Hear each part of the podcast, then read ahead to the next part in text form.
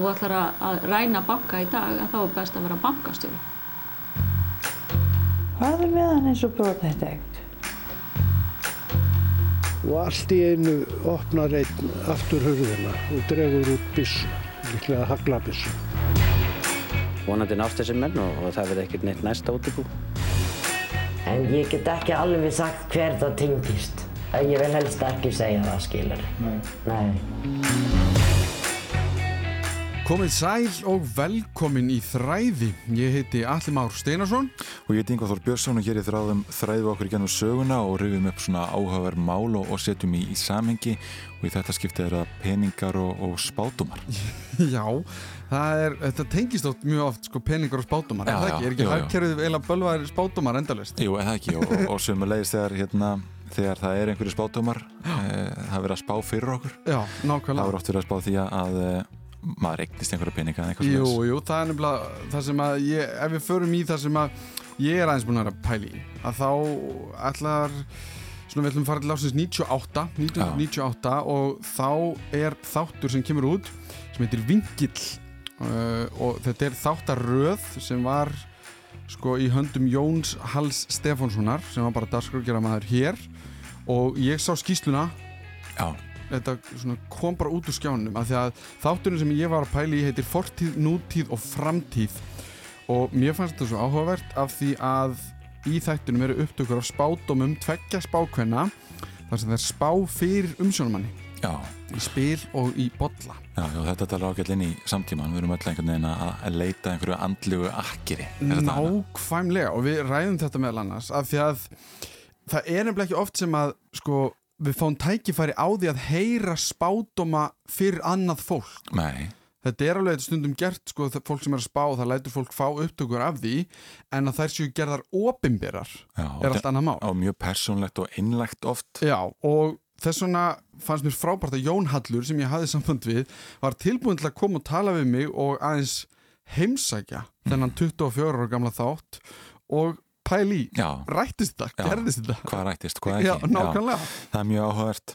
En uh, já, síðan eru það peningarnir. Það sem ég ætla að ræðum, það er alltaf í vikunni hafa bankarnir verið að byrta uppgjur og annars slíkt en Mhm. við ætlum kannski ekki að rýna í þau. Hagsaðan á Nei, við ætlum að fara í aðeins meira spennandi. Hagsaðan er einhvers staðar hann í, í bókahillu í átnangari frekar en, en, en saga bankaran á Íslandi er hins vegar mjög áhugaverð. Og uh, við ætlum svona að einblýna á fyrsta vopnaða bankaráni hér á landi þegar þrýr einstaklingar fara að snemma morguns 18. desember árið 1995 við erum báðir þarna á tíunda áratug síðustu aldar Mhm, já. í okkur umfyllunum fara hann inn í búnaðabankan í Vesturgötu, tæma gjaldkjæraskúfu fá okkur 4,7 miljonir króna á núverði, Mhm. svona cirka bát. Eh, og ég sem sagt rætti við Eyjólf Einarsson listmálara sem var og er búsettur á framleysvegi og var að býja eftir strætó þegar eh, mennirnir ráðast inn í útubúið og er sá sem ringdi á laurugluna á sínum tíma. En ég ræði líka við Margeti Valdimarsdóttir sem er doktor í afbrótafræði um þess að bankaráns bylgja á Norðurlöndunum á nýjunda og tíunda áratug síðustaldar það var nánast daglegt brauð um tíma að það væri brotist inn í banka í Danmörku til dæmis sem er mjög áhört. En, en það var svona eitthvað minna um þetta á Íslandi en þó eitthvað. Ég, ég bara vissi ekki almennilega að það hefði verið einhvers konar bankarán hér. Nei, einmitt, og það var kannski svona til að byrja með var ekki að mikil harka í þessum ránum hér á landi. Þá til að mynda já, fram með bankarán í búnaðabankanum í Östurstræti árið 1988 sem fjallafurum í kvöldfréttum sjónvasi kjölfarið og rætt við Gjaldkera og Stefán Pálsson bankastjóra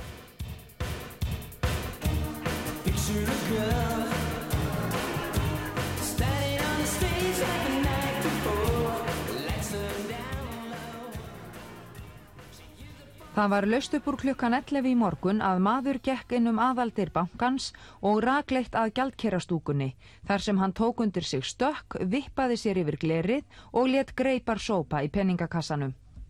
Ég held fyrst að hann væri eitthvað að grínast, hann greip í glerið og svo bara eins og hann vippaði sér yfir og rétt tilt í fótunum. Þetta var eins og maður er að horfa bara fimmleika menn fara yfir hest eða eitthvað því að hann var svo snöggur að þessu að maður tók all eftir því hvað var að ske fyrir en að hún kallaði. Og, uh, og hvað gerist síðan næst? Hann fer í peningaskúfuna og ég sé hann tekur hérna peninga og hún grýpur um fæturnar á honum þegar hann ætlar að stökkva tilbaka en hann einhvern veginn tekst að sparka hann af sér og hleypur hérna fram eftir salnum. Það var hér starfsmaður hér sem feldan hérna í stíganu þegar hann var að reyna að komast upp og hljópa eftir honum en hann náði honum. Hann smögur hundunum á honum. Stuttu eftir þessa óvæntu innrás fylltist bankin af lögreglu og rannsóknarlaureglumönnum sem þegar hófu aðtugun á fingraförum og skóförum. Maðurinn var grímulaus og auðþekkjanlegur en það leið ekki á löngu áður en einn starfstúlka bankans bar kennsla á hann af mynd sem lögreglan síndi henni. Hann uh, misti í fátinu hótelleikil sem var hér eftir og, og það er verið að rannsóknarlærinu komið í málið og, og ég vona að þetta verði upplýst mjög fljótt. Sást á eftir manninum eftir hann fór út úr Já, húsinu? Já, hann, hann hljóf hér út í Hafnarstræti og, og inn í Reykjavík apotek. Mér skilst sér vakt þar núna ef, ef hann er þar inni. Í Reykjavíkur apoteki urðu menn þó einski svarir og maðurinn smög úr greipum lögreglu. Síðar fréttist af honum á ferði Kópavogi og Hafnafyrði og loks var hann greipinn glóðvolkur á Keflavíku flugvelli á leiður landi. Maður þessi hefur áður komið við sögu lögreglu. Hann gerði tilraun til þess að ræna samfunnubankan fyrir á þessu ári en var í það skipti greipinn í dýrónum. Skömmu síðar stökk hann inn í gjaldkerastúku í yðnaðarbankanum og hafði þaðan á brott með sér verulegar fjárhæðir. Hann var handtekinn skömmu síðar. Loks náði hann að vekja á sér verulega aðtikli á landsleik Íslendinga og rússa í Laugardalshöll síðla sumars er hann ofinberaði nekt sína frammi fyrir áhorvendaskaranum. Ok, óvæntur endir, yngvar, á þessu. Það er óhefbund að taka þetta fram í frétt og, og, og kannski, já, þetta er kannski ekki flókið sakamálið mitt, grímulaus og auðþekkjalögu maður missir í fátinu hótellikil sem var síðan eftir í bankanum eins og einhverju, einhverju glæpasu og var síðan tekin á kjapla ykkur flugli. Þetta er ekki fyrsti bankin nei. sem hann fyrir í. Nei, nei. Uh, þetta er þriðji bankin, verðist vera, að minnstakosti. Já, hann uh, er einhverjum 400.000 kalli. Já, hann, þetta var svona doldið svona, verðist vera bara, herru, ég ætla að fara þarna inn, ég ætla bara að ræna hann um banka. Já, já, einmitt. Og, og Sérstaklega með grímuleg, sko, þetta var, og bara, já, þetta er hann, já. bara það ykkur mynd. Já, já. Já, og kannski ekki þessi, ekki þessi harka sem var í gangi í, í Danmarku til að mynda á sama tíma. Nei. En ég var annað bankar á hann fjórum árum fyrr án í útibúið einaða bankars í Breiðholti árið 1984 og það var að hættuklættur maður sem kom bakdýra megin inn í bankan skömmu fyrir lokun og greið peninga úr skúfum áður en hann raug út og það var sérst fræg svo lýsing á bankaræningjanum að, að hann hefði verið með útstæð herðablöð hann hefði verið með útstæð herðablöð og fjæðurandi gönguleg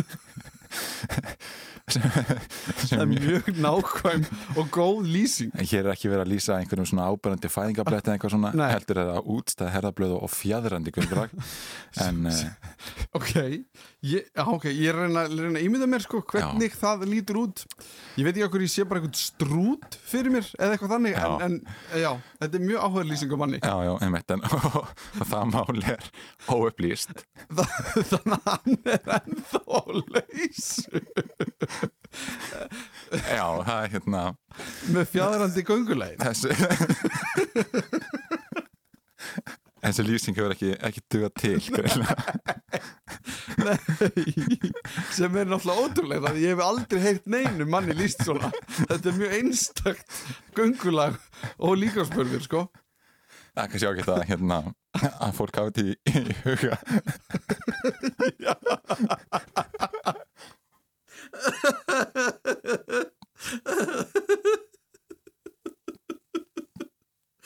Já, það er mjög það er, það er mjög gott ef fólk hefur þetta í huga. Ef þú lítur um eftir þessu Æj, æj, æj en, en síðan er uh, annað bankarán annað líka. Já, það er annað bankarán sama ár og um Vestlunum helgina 91 og síðan brotist inn í útibú landsbankans á Borgarfyrði Eistri útibúið var lokað en það var í sama húsnið á fiskvinnslabæjarins og þjófurinn fórunum dyr þar og sparkaði upp hurðinni að afgreðslu útibúsins og hafða brott peninga ár peningaskáp. Það máli líka óupplýst okay. og það er alveg hægt að nefna fleiri mál en við ætlum eins og við nefnum hérna áðan að einblýna á fyrsta vopnaða bankaránið á Íslandi í desembermánuð árið 1995 sam ára og ja, skelljungsránið svo kallaða var framið þessum grímuklættir menn réðust að tveimur starfskonum skelljungs sem voru að fara með tekjur af helgarsölu úr bensinstöðum félagsins í Íslandsmokka í Lækjagötu en Ásker Tómasson fréttamaður rætti við Leif Jósteinsson útibúrstjóra fáinum klukkustundum eftir að desemberránið var framið og Jóhanna Vítís Hjaltadóttir fjallaði máli í kvöldfröttin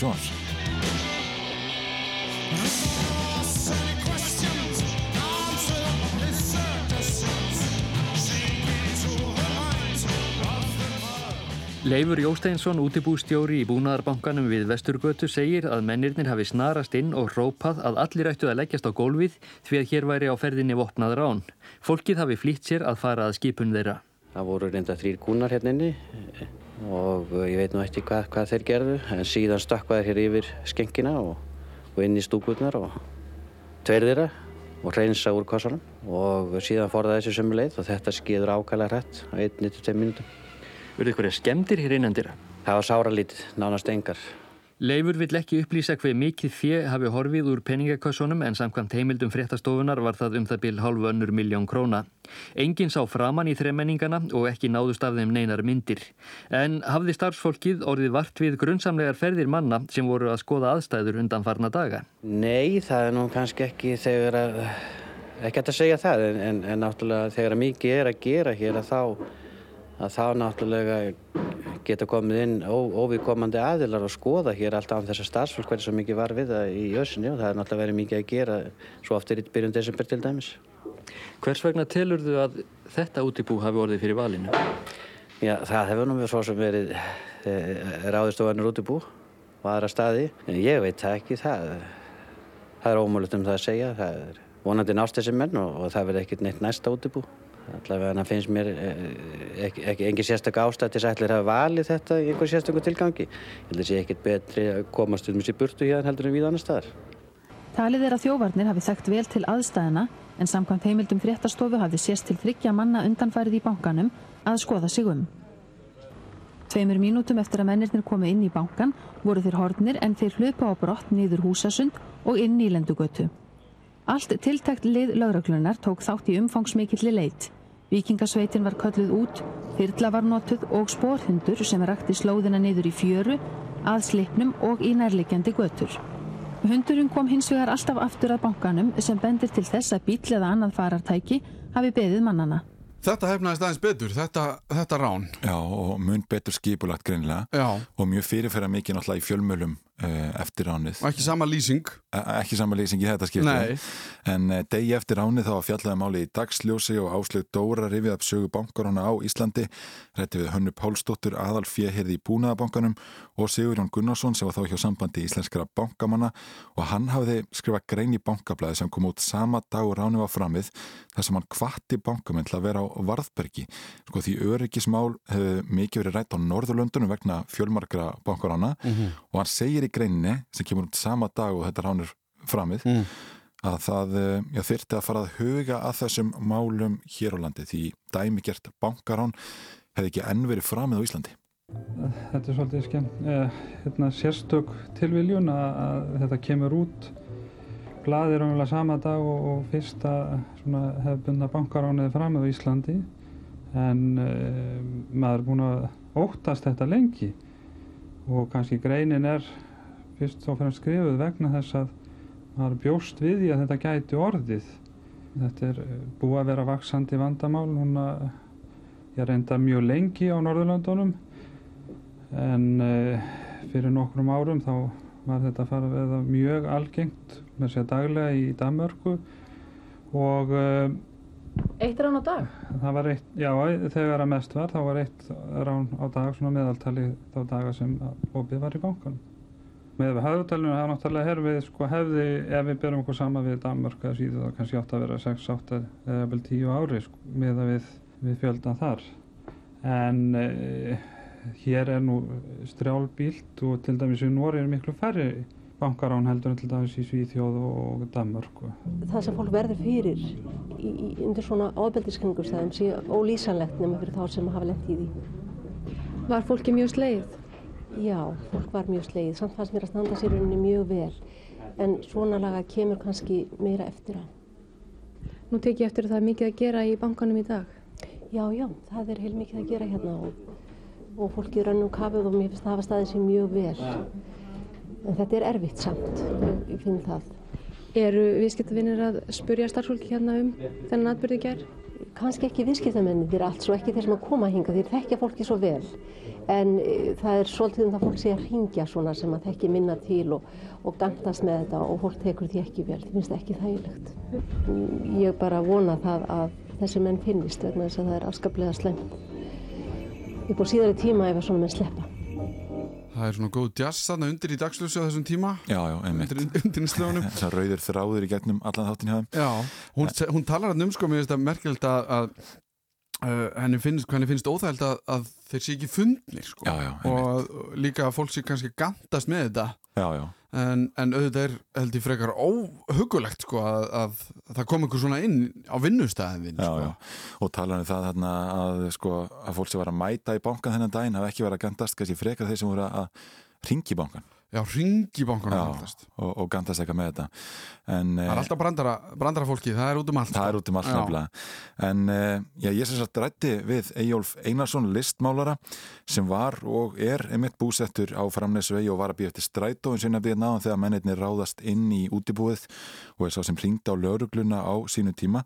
Og ég rætti við hann á hortni Vesturgötu og framnesvegar þar sem hann beigði eftir strætó fyrir einhverjum 27 árum Ég var að skima eftir strætó sem gekk hérna niður vestugutuna þegar strætó var strætó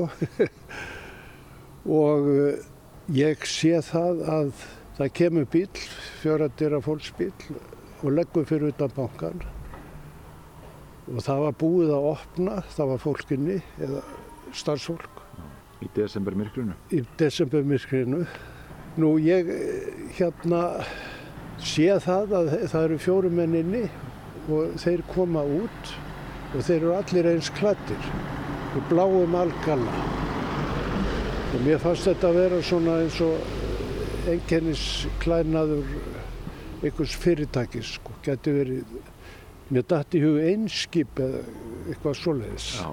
nú mér fannst þetta nú ekkert skrítið einn gekk að glugganum og kíkti inn skimaði svona og þeir stóðu við bílinn og allt í einu opnar einn aftur hurðina og dregur út bissu, líklega haglabissu og þar með hlaupa þeir bara að dyrónum og inn. Og ég stóð bara og gafti sko og mér dætti í hug er við að taka upp kvikmynd? Þetta var svo surrealistist að ég bara hálf ég veit ekki hvort ég fröys eða hvað þetta þetta var svo skrítið en allt í einu heyri ég þegar þeir eru konir inn að það eru öskur og læti. Hans skont að sprjálaði þarna inni sko. og þá er ljóst að þetta er ekki þá, kvikmynd. þá vissi ég að það, það var ekki kvikmynd. Svo þess að ég hljóp bara upp og hringdi á laurugluna og hljóp svo niður og sá þegar lauruglan kom. Og en þegar ég kom niður þá sá ég og eftir hérna þeim hlaupa hérna niður sundið Já. og þeir hafa hlaup, hlaupið sko niður á nýlendugötu því að þeir voru vís með bíl þar og kerið á stað sko. Bílinn fannst svo setna hérna einhver staðar á ljósvallagötu eða einhver staðar ekki langt frá kirkjögarðinu. Þá höfðu þau bara ekki þangað á skilið hann eftir.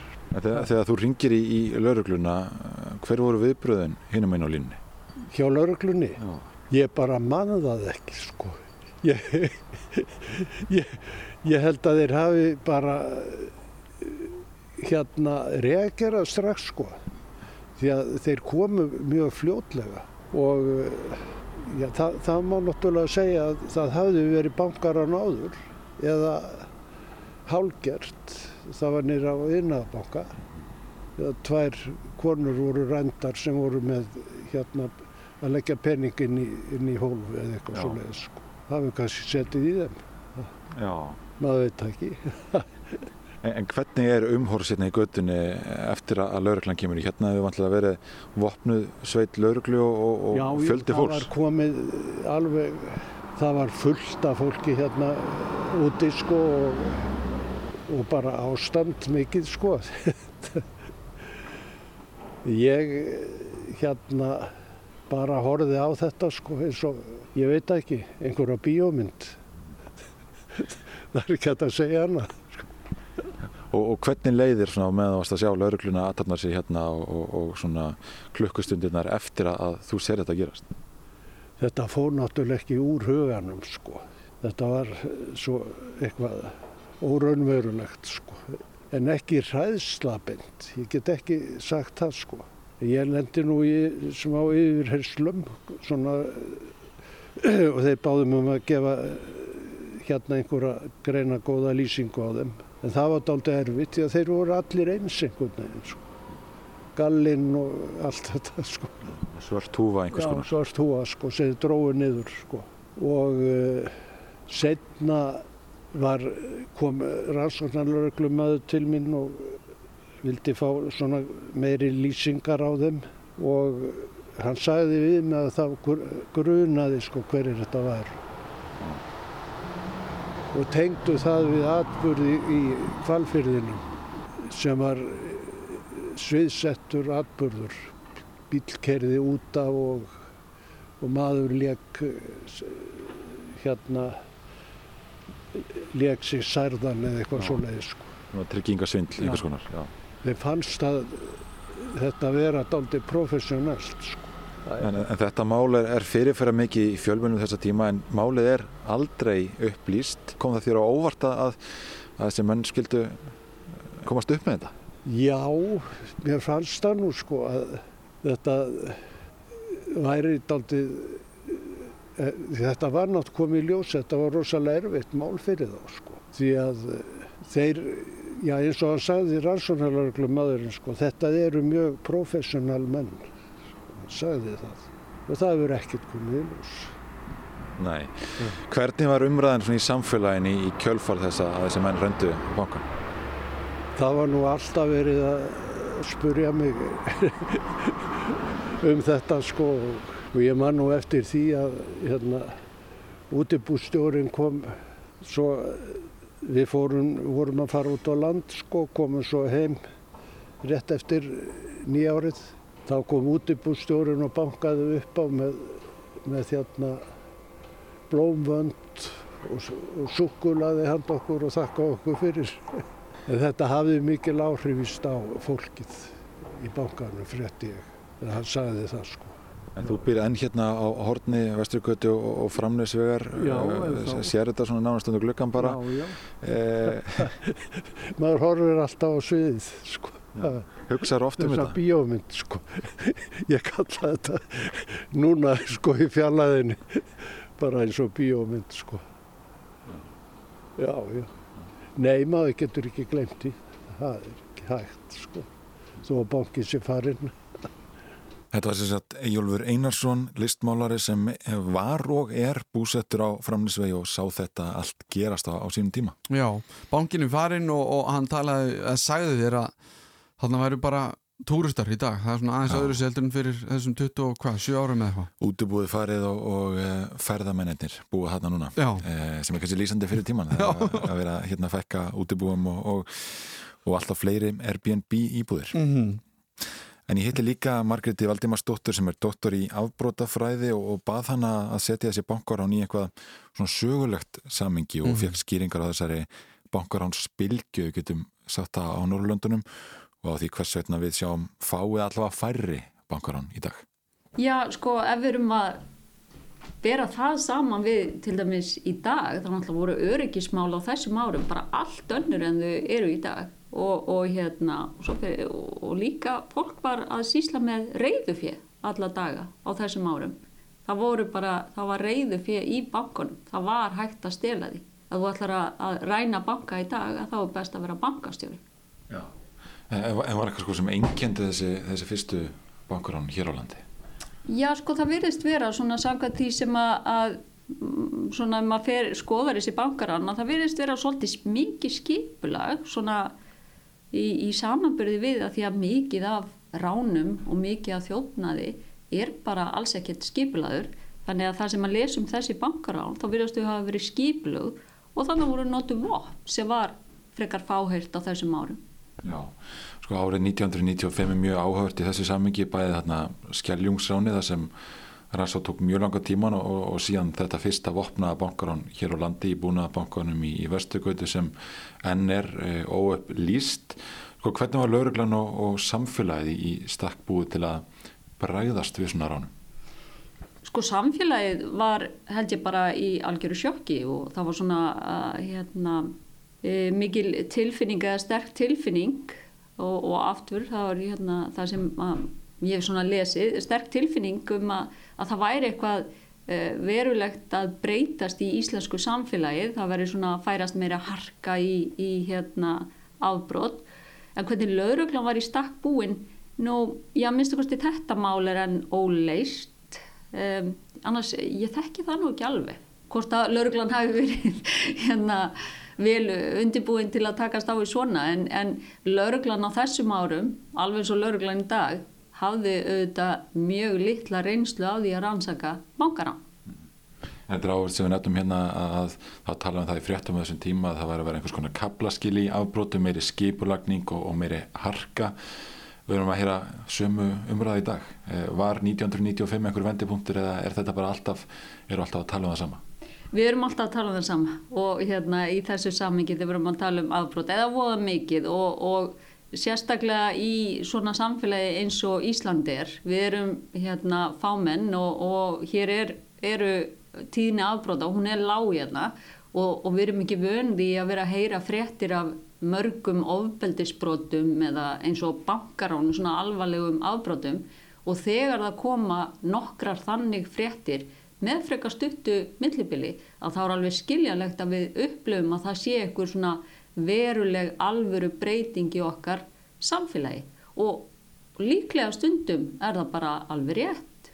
En það er svona þetta kemur í sveiplum og hérna það er tilnefingja fólki að upplifa að uh, tímin ákvörðat núna að hann sé einstakur og hann sé að, að, hérna, að núna sé allt að fara á vestaveg Já, einmitt. Það er nokkið sér að segja að bankaránum alltaf af þessu tægi hafi, hafi fækkað verulega. Hvað Hvað skýrir það? Er það bara netvæðingin? Já, bara allt annar heimur á þessu leiti. Það er bara hérna, uh, öryggi í, í bankamálum er bara allt annað í dag heldur en það var og einmitt aftur þetta með að hérna, reyðufjöðið er svo til fari og sama tíma og við erum ekki að sjá svona bankar á núna að þá hefur auðvitað sko, uh, afbrotum á netinu, þeim hefur fjölgat, fjársvikum hefur fjölgat og, og hérna þannig að svona afbrót sem tengjast internetinu sem tengjast þessari nýju tækni þeim hefur auðvitað fjölgað af því að hún er núna til staðar. Já og bankaræningarnir nú til dags er þá kannski frekar að já, ekki ræna bankan beint heldur að, að ræna peningunum beint af fólki af þeirra reikningum og, og netsvindlega þá bankarán nútímas Já, er það ekki? Ég myndi halda það Já, það er alveg einlega til þess að orfa það.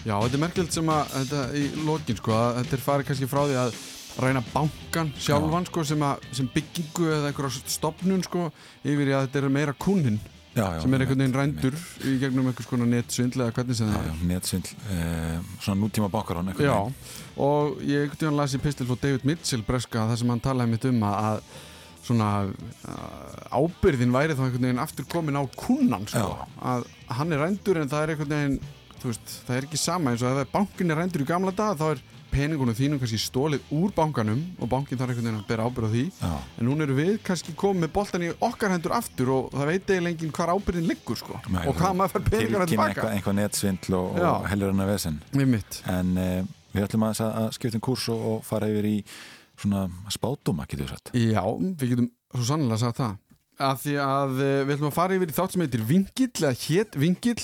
Var að dagskrá hér á Rúf árið 1998 þá var Jón Hallur Stefánsson sem að uh, sá um þennan þátt. Var allskinn sem hann pældi í. Og ég rakst á þennan hérna, þátt þennan einstakar þátt sem heitir Fortíð, nútíð og framtíð. Og í honum þá fer hann og tala við tvær spákonur.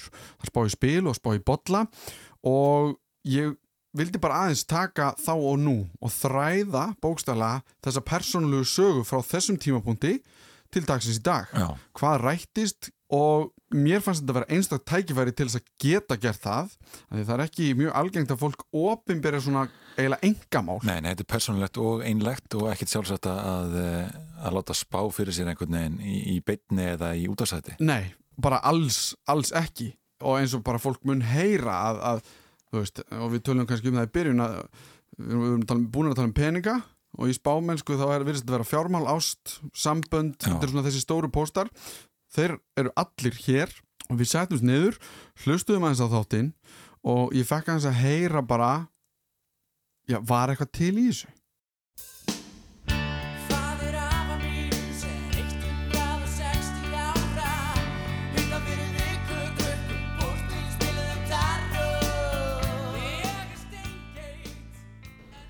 Já, heyrðu, þá ætla ég að byrja að draga fjögur spil með þeirri hendi sem hann skrifa með og notar mest. Mm -hmm. Mér er alltaf verið megin ílega að láta spá fyrir mér. Óttast að spátumurinn hafa áhrif á hefðu mína, að ég fer að gera í því að láta spátuminn rætast eða ekki.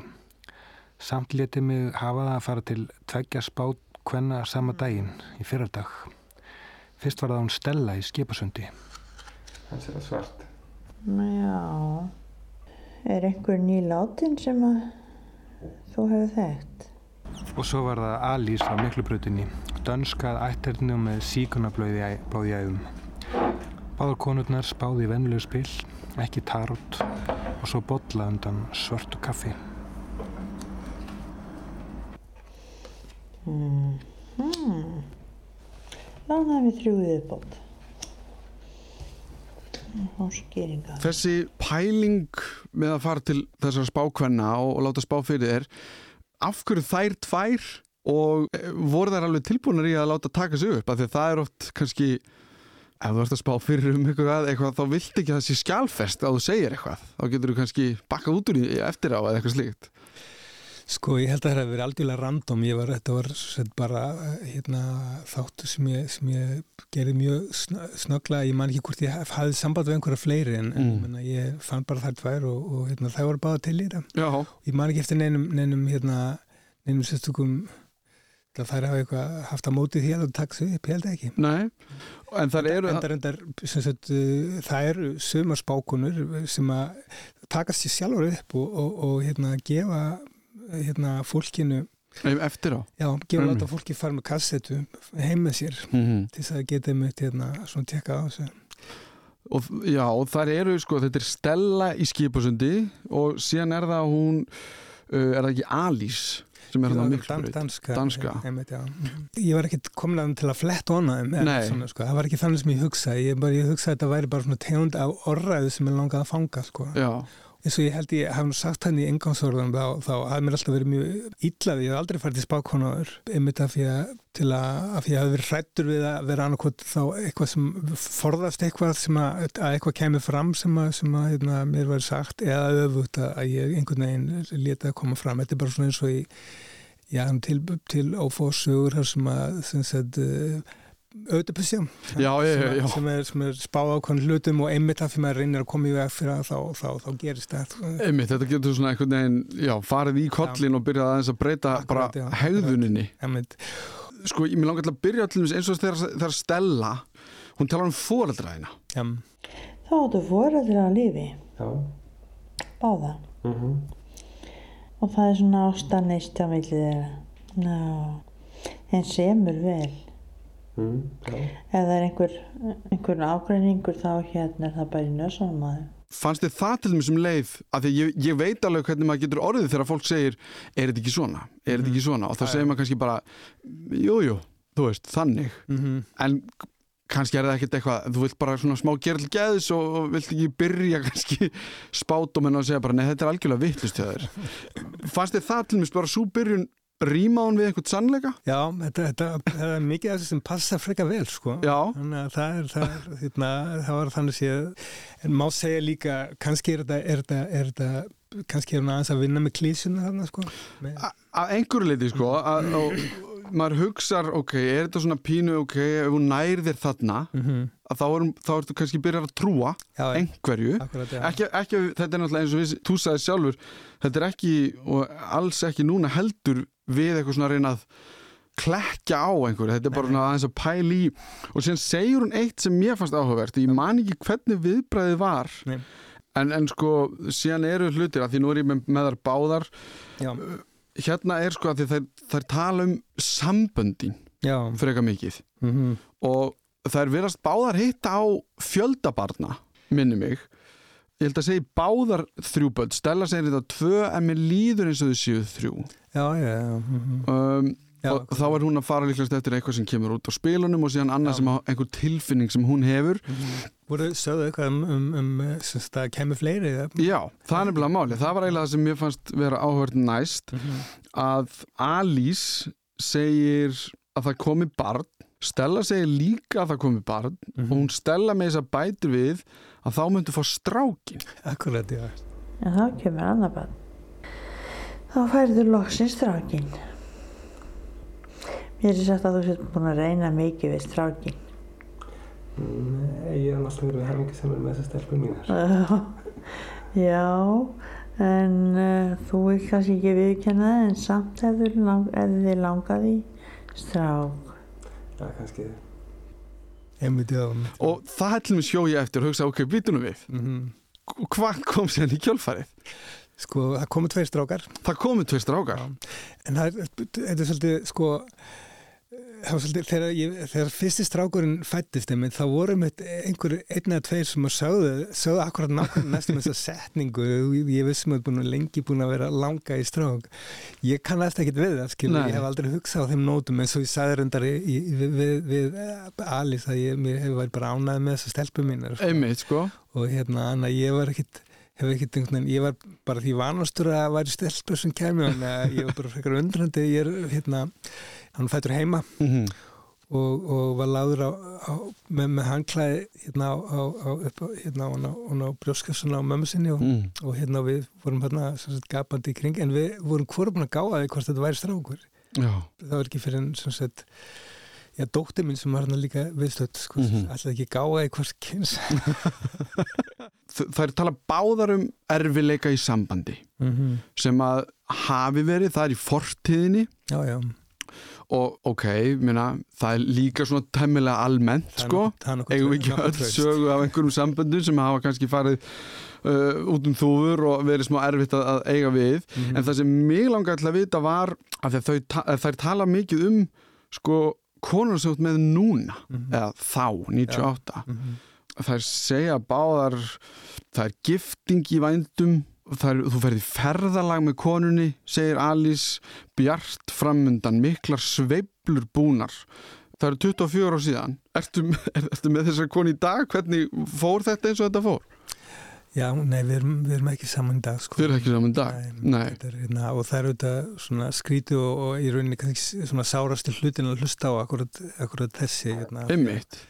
af því að hérna, já, Já, þú þarft ekki að fara út í það en það var alveg sko að því að það virtist vera svo bjart einhvern Mhm. veginn og Já, já. þetta væri hérna en, menn það var samt hérna aðvörnur hjá annaðir sem, sem hérna, einmitt stungu hérna Hún er badgóð, verið svolítið fráhrindandi í fyrstu en hún er það alls ekki einn stinni, hún er mjög góð í sér. Mhm. En það er svolítið stutt í grátin, svolítið viðkvæm. Mhm. Farðu með hann eins og brotætt egg, Já, já. Ekki harsóði. öllum þessum árum síðan sko, eitthvað sem setjum að eh, hérna eh, hún veri viðkvæm og ég ætti að fara með henni eins og blóm Já, ég skrifaði það niður, farðu með konun eins og brotætt egg eins og brotætt egg. segir hún, já, ég gerði það sem þetta ekki. Nei. Og þannig að, þannig að það var eitthvað þarna í kannski, eitthvað slíkt? Ég veit ekki. Af því að hún segir líka sko vinnuna, hvað ert að gera þarna varandi vinnu? Uh, þarna vinn ég bara hjá útarfinu sko Þú ert rithundur í dag eða Já, svona, svona bæði og, Já, bæði og. Já, þýðandi mest sko líka búið til hljóð af því þær eru báðar nefna ok, þetta náttúrulega- þetta eru þessi stóru póstar í lífi fólks það eru sambönd, Mhm. já, já. vinna, peningar Mhm. og hún held ég Stella Mm. Segir sko hún, hún er rosa mikið á því að sko þú eigir að fara sko, sem sjálfstætt starfandi og eitthvað slíkt, að það sé svo rosa mikið einhvers konar velmögun eða peningum eða Já, já. einhvers slíkt í framtíðin og ég held að Ég held að þessi hún sem að segir að hún hafi sjaldan séð jafn björt spil. En þarna er heljar mikill og fallegu lukkustólpi sem að búða bara gæfu alveg út í gegn sko eins langt og ég sé. Já, gott að gera. Já, það er mjög gott sem að sé svona lukkustólpa. Ekki svona rækilega stóran og finan. Þannig að þér áttur að vegna vel bæði í lífinu, engalífinu og, og í starfi. Já, gott að gera. Þannig að ég skil ekki dýðir að það fara, fara til sjálfstæðan aðrunarastur. Bóðar gæfu út í gegn lukkustafli. Stól, stólpi. Stólpi, já, lukkustólpi. Manstu, hva, þetta er 98 ára 24 ár síðan, þannig að ég ætla ekki að gera kröfu á að þú muni nákvæmlega hvað kemur. En ef við tökum tímabilið einhverju eftir þetta, mm -hmm. tókstu eftir mikið til lukku? Já, ég, ég er gæfi maður sko. Gæfi maður. En í sambandi peninga ég er náttúrulega Snæbjörn Argrínsson vinn minn gerði með að hérna, glæpa höfundi hann hérna, skamma síðar, ekkert svo lengur síðar Já. og þá fór ég náttúrulega nokkur sem til útlanda allavega Já, þannig að þú ert í kringum mikið af fólki Akkurat. það er eitthvað eitthva að gerast og það er eitthvað hérna, mikið lukka og, þú, og hún vill á hérna, byrjar eitthvað business, eitthvað fyrirtæki af því hún tala líka um sko að þið munu samina í einhverju sem mun ganga mjög illa í byrjun svo allt í lægi mm -hmm. það er erfitt að koma því í gang já, já. en síðan mun það ganga ákvæmlega vel hefur einhverja hugmyndum hvað það getur verið Já, ég er enda með lítið, lítið fyrirtæki sem er, sem er, sem er já, sem sagt hefur kannski ekki gengið jafn vel eins og skildi út að meðlan svona COVID og, og slíka mm -hmm. við, við hérna erum að búið til uh, svona hljóðgöngur, svona soundwalks Já, já, einmitt og hérna Já, ég vorum að skoða hérna akkurat í morgun á, á svona línuritt yfir, yfir engum og núna á síðustu tveimur árum farið aldrei hressilega niður sko. Ok, já. Hérna, en nú er það búin að heyra spátum en þá vona þetta sétt sem það fara að ganga. Þú ert alltaf búin að fá einhver, einhvern vísi að því. Og síðan er eitt sem mér fannst líka að hún segir, það eru einhver veikindi sem koma inn sem eru dálitið slæm. Það er eitthvað veikindi sem uh, kemur þarna inn í... Mm. En ég get ekki alveg sagt hver það tengist. Ég vil helst ekki segja það, skilur. Nei. Nei. Uh, sko það get vera innan fjölskylduna, get vera frá fjölskylduna. En mér finnst samt að, uh, sko þetta er bara veikindi um tímastundi og svo hverfur það. Já. Já. Kannast eitthvað þetta? Sko það er náttúrulega 24 ár síðan þannig að ég veit ekki hversu langan tíma hún, hún á við. Já, ég meina, þetta má, má heimferð upp á pappa sem að, sem að, nú mann ekki alveg hvernar hann fekk krabba, sitt krabbamenn sem, mm -hmm. sem hann lagnaðist af skopitinu og eilum en þess að að þú hvort þið geti björga æri spákonunar hérna já, það er nú bara einhvern tímann um þetta leiti sko. Já. sem sett um, Nú ætlum við mömmu, hún mann man allar, allar, En það er einhverju leiti Já, ég get, get alveg heimferðið upp á hann sko. Ok. Ef að, hérna, sagt Nú liður mér eins og við sem líka tengja bara. Við svona að reyna að finna tengingana líka. Já, það er það. Þetta er þetta, það, sem að, það sem við erum að gera í, í, í alltaf svona sko sagt, við, við erum með hausinn svona sagt, við erum með netið úti til að reyna að sjá hérna, til að reyna að láta þetta koma heim og saman sko og, hérna, og það er þess vegna sem þetta virkar ef við værim ekki með netið úti og, og hérna, þá myndi, myndi við kannski ekki sjá þetta nei, nei, nei. þannig hugsa ég sko. Já, ég, þetta er svona líka einhvern veginn hvernig reynum við að láta heiminn ganga upp sko, svo hann sé ekki svona kátískur Nákvæmlega, það er, það er akkurat, akkurat hérna, góð punktur sko. þetta sé einhver, einhver einhver veist, struktúr í þessu sko. mm -hmm. Já, við erum alltaf, alltaf að reyna að finna einhvern struktúr í þessu, þessu ruggli Svo við förum bara ekki yfir um já, já. En af því hún nefndir glæpasafna er ekki snæpjörn vinnuðin að þið gert það, já, já. af því það er eitt sem ég hjó eftir að þú átt mjög góðan vin sem er líklast í sambúð Þú átt mjög góðan vin. Og þessi vinurðin er sennilega giftur eða í sambúð. Það er ekki mikið, ekki svo mjög mikið samband á millika núna þó er það alltaf að hugsa til hvers annars, alltaf reynd en þá ættir að verða svo mikið samband ykkar á milli að það halva væri nóg. Nú, já. En uh, sko þið verður svo innilegir vinir að það verður svo mikið samband ykkar á milli Já, já. það má eiginlega segja að þið gerir nánast allt í sammenningu Mhm. en það er eftir dálítið langan tíma og það er eitthvað í samband við atvinnu Já.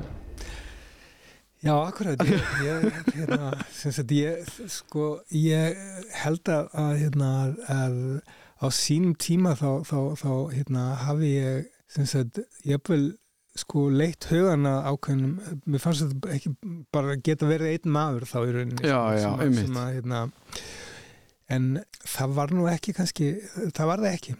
Ekki, ekki ennþá Nei. að, hérna, að við hérna, og alls ekki þannig að við verðum svo mikið saman að hálfa væri nóg því- Nei, að mér svo- fannst þetta mjög áhugavert hvað hún var þetta var, hún var mjög ákveðin í hversu ótrúlega nánir vinnir þeir myndu vera. Nefna kannski, kannski getum við sagt að, að hérna, Snæbjörn, hann er náttúrulega nú fyrir að láta ná endur Nú þurfum þurfum að þræða þetta já. Snæbjörn náttúrulega sem sett uh, var forlegjær minn og, og einlega bjóð mig til sem rittönd því hann, því hann hérna, gerði mér tilbúð sem ég gæti ekki, ekki hafnað Eða sem glæpasamnahöfund að uh, borga mér með að vera að skrifa það nú ekki margir sem að, sem að fá þannig tilbúð sko. En það er kannski, mér fannst þetta alveg líka áhugavert að því ég veit ekki um neitt fullorðin sem á í slíku vinasamband. Þetta hljómar eins og tveir sex ára vinir sem eru allan tíman saman, sko. Þannig mér fannst þetta mjög áhugavert hvað þetta er því rosalega mikið, sko. Það er líka, hún, hún talar um bróðir þinn. Já, hvað, hvað sagði hún um hana? Þú átt að byggja bróðir Já, það er rétt. hefur hún gengið svolítið illa á tímabili Já, má segja það á tímabili. já, en nú er allir leið Já. og ekkert sem að þannig að eh, skemmir fyrir honum en hann lærir af því og það lærir enginn annara reynslu þannig að það fyrir ekkert að segja honum til Mm. það lærir enginn um eigin reynslu þannig að uh, hann lærir af þessari reynslu og Eitthvað anstremi sem maður er framöndalega. já, pínum lítið bara pínum lítið sko Mhm. en hann lærir af því og, og fer, breytir um stefnu og fer í- á betra veg ég sé nú ekki betur en að hann gerir þetta með þinni aðstóð Já. já Er þetta eitthvað sem að rýmaði við eitthvað, eitthvað raunveruleika? Já, allir, allir hérna, við, við ég á svona steitt bróður og, og hérna, við um, um, brallamart saman í, í gegnum tíðina, við höfum bútið mikið tónlist saman. Þetta er kannski orðum aukið að hann hafi sé, hvað segir hún, hérna, breytir um stefn og fer á betri veg. Það er kannski aðeins of vel í látið eða hvað? Nei, allir það, að það er eitthvað, hann, hann, hérna, hann, hann uh, má segja kannski akkurat þarna, ég er bara svona að reyna að svona sett, reyði upp hvað hann var í lífnu þarna, Já, já. En, en hérna, hann náttúrulega lit drauma sína að rætast og, og var rítöndur og, Mhm. og hérna, sem sett, hefur bara gert garðin, eða ekki garðin fræðan kannski, en, en hann hefur, rækta sinn garði vel sem, sem slíkur. Já, þetta er kannski, já, það sem ég menna er að þetta er svona fullt dramatíst hjá hann. Já, þetta er kannski svona, einmitt vel í lagt, Já. eins og segir. Já, það er, já, loka það sem ég langaði til að spurja út í. Já. Það var hérna að hjá henni Alís, Já. Þá í endan held ég, uh, lætur hún þið draga einhver spil. Mhm. Þú, það, er, það er ein ósk og hún segir, hún mun rætast. Já, akkurat. Svo er það ósk sem þú langar til að rætast. Eins mörg spil eins og óskina stafað. Mhm, já. Þessi ósk rætast að fullu. En þú þarf að gefa þér svolítið fram. Mhm. Já. Leggja mig fram. Já, leggja þér svolítið fram, já. Svo er það önnu svona ósk. Mhm. Þessi gengur ekki upp. Nei. Manstu hvað óskir þetta eru? Ekki minnstu hugmynd. Mér datta ekki í hug en ég ákvaði að spyrja Akkurat, kosti. En Venilega bara óska ég, sem sagt, ég hugsa, hugsa í fyrsta, hérna, fyrsta óski minn hefur örgulega bara verið sagt að, að mm, hérna, gæfa til handa börnun minn með eitthvað svona sko, sem, Mhm. að, sem að myndi vera mín fyrsta ósk svona þegar ég er að, ég lendi í einhverja þurfa óska minn, sko. Og það hefur ræst? Já. Ok, þannig að ok, við vonum bara að það hafi hérna. En svona í lokin kannski, í kjölfarið, manstu eftir einhverjum viðbröðum við þessu, manstu eftir einhvern veginn hvernig þér leið eftir að þú varst búin að hitta þessar tvær spákonur breyttist sín þín á þetta allt saman. Eða var þetta kannski bara svona stúdía? Hvernig þetta sé? Já, ég, ég kannski, þú veist, ég leti þetta ekki breyta mér held ég, ég, sem sagt, uh, ég um, tók þetta ekkit svo alvarlega þannig að ég væri mikið að velta mér upp á þessu, sko, ég, en, en, kannski hef ég muna einu og eina glefsu sem að ég hef, eins og kannski þetta með vinin sem ég var, kannski var ég einhver lit að býða eftir að, að hérna, að hefði þetta mikla nána samstarfið Mhm. við einna vinnu mínum sem að, sem að mér hafi verið spáð, sko, hérna, og en, en jú, ég fekk heldur bara bara góð viðbröð sko, að fólki fannst þetta svona gam, eða gaman að hlusta á þetta sko. Já.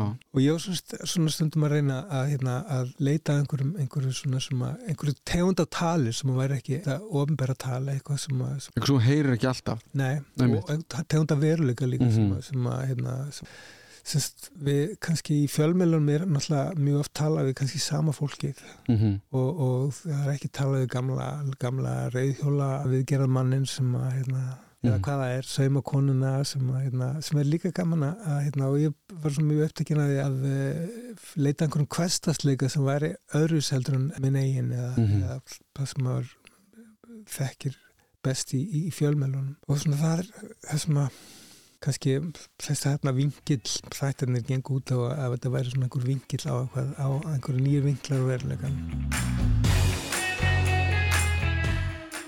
Þetta var Jón Hallur Stefánsson sem að sáum þáttinn Vingill og mér langar bara til að þakka honum aftur fyrir að ég bæði hafa opnað á sitt persónulega líf þarna og núna. Já, einmitt, eh, en við komumst ekki lengra með þræði í þetta skipti við verum hérna aftur eh, næsta sundag klukkan Já. 11 Bara þangar til næst, verið Thank you.